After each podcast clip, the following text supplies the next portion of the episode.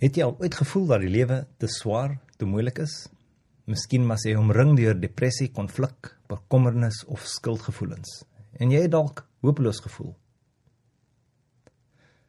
Dankie dat jy by ons aangesluit het op vandag se episode van Beter Besluite, Minder Hartseer. In vandag se episode sal ons daarna streef om inhoud te verskaf wat jou sal help om beter besluite te neem en seker te maak jy eindig waar jy wil wees in jou lewe of dat jy nie daar aankom waar jy definitief weet jy nie wil wees nie. Ek hoop nie jy voel so nie. Maar een of ander tyd het jy dalk. Jy kan 'n geliefde, jou werk of jou gesondheid verloor. En wanneer jy in 'n hopelose situasie te staan kom, laat ons dink aan wat Jona gedoen het. Dit beteken ons moet die Bybel lees. Nadat Jona vir sy lewe van God se sending weghardloop het, het God 'n groot vis voorberei om hom in te sluk. Terwyl hy in daardie groot vis gesit het, het Jona opgekyk na God. Trouwens, die hele tweede hoofstuk van hierdie boek is Jona wat bid terwyl hy in die see wegsink en deur 'n reuse vis ingesluk word. Dit is vir ons 'n les dat wanneer ons oorweldig voel, ons moet opkyk na God in gebed van die heel eerste vers van die hoofstuk sien jy hoe Jona na God draai. Van binne die vis het Jona tot die Here se se sy God gebid. Sommige probleme in die lewe sal nooit verdwyn tensy ons leer om na God te kyk in gebed nie. In Markus 9 het sommige van Jesus se volgelinge probeer om 'n demoon uit iemand te dryf, maar hulle kon nie. Hulle het vir Jesus gevra hoekom Jesus het geantwoord: Hierdie soort kan slegs deur gebed uitkom. Sommige probleme is so diep gewortel dat slegs volgehoue gebed dit sal oplos. Dit gaan ook nie net oor 'n een eenmalige gebed nie.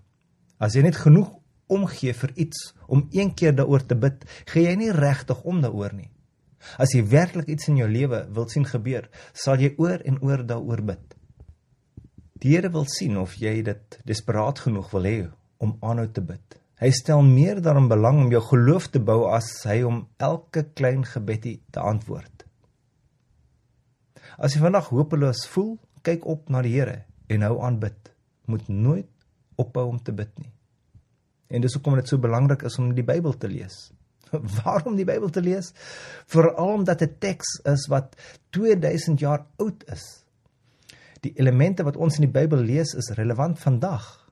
Natuurlik, Alhoewel daar baie baie redes is waarom 'n mens die Bybel kan lees, wil ons graag fokus op 3 lê wat regtig 'n impak in die mense se lewens gemaak het. Nommer 1, ons leer die karakter en aard van God ken. Deur die Bybel en al die verskillende stories tussen die Ou en Nuwe Testamente lees, leer jy werklik die aard en karakter van die Here leer. Natuurlik het ons baie van hierdie dinge gehoor van ons kerk uit en verskillende tipes bronne. God is liefdevol, God is vriendelik, God is getrou, God is heilig. Jy leer ook in die Bybel dat God 'n sin vir humor het en natuurlik leer ons dinge wat die mensdom in ons verlede gedoen het wat God selfs tot toorn gedryf het. So om te leer oor die karakter van die Here was regtig vir my noodsaaklik om hom op 'n baie intieme vlak te leer ken terwyl ek beplan om met God te wandel. Ons leer die aard van die mens. Die mensdom deur die hele skrif het alle soorte stories waar ons leer om die aard van die mens te welsig, afguns, deernis, genade en vrygewigheid. Dit is dinge wat die aard van die mens verteenwoordig. En ons kan voel dat die lees van die stories oor die mensdom in die verlede ons help om onsself te hanteer. Nommer 3, die woorde van wysheid. Woord van wysheid uit die boek Salomo.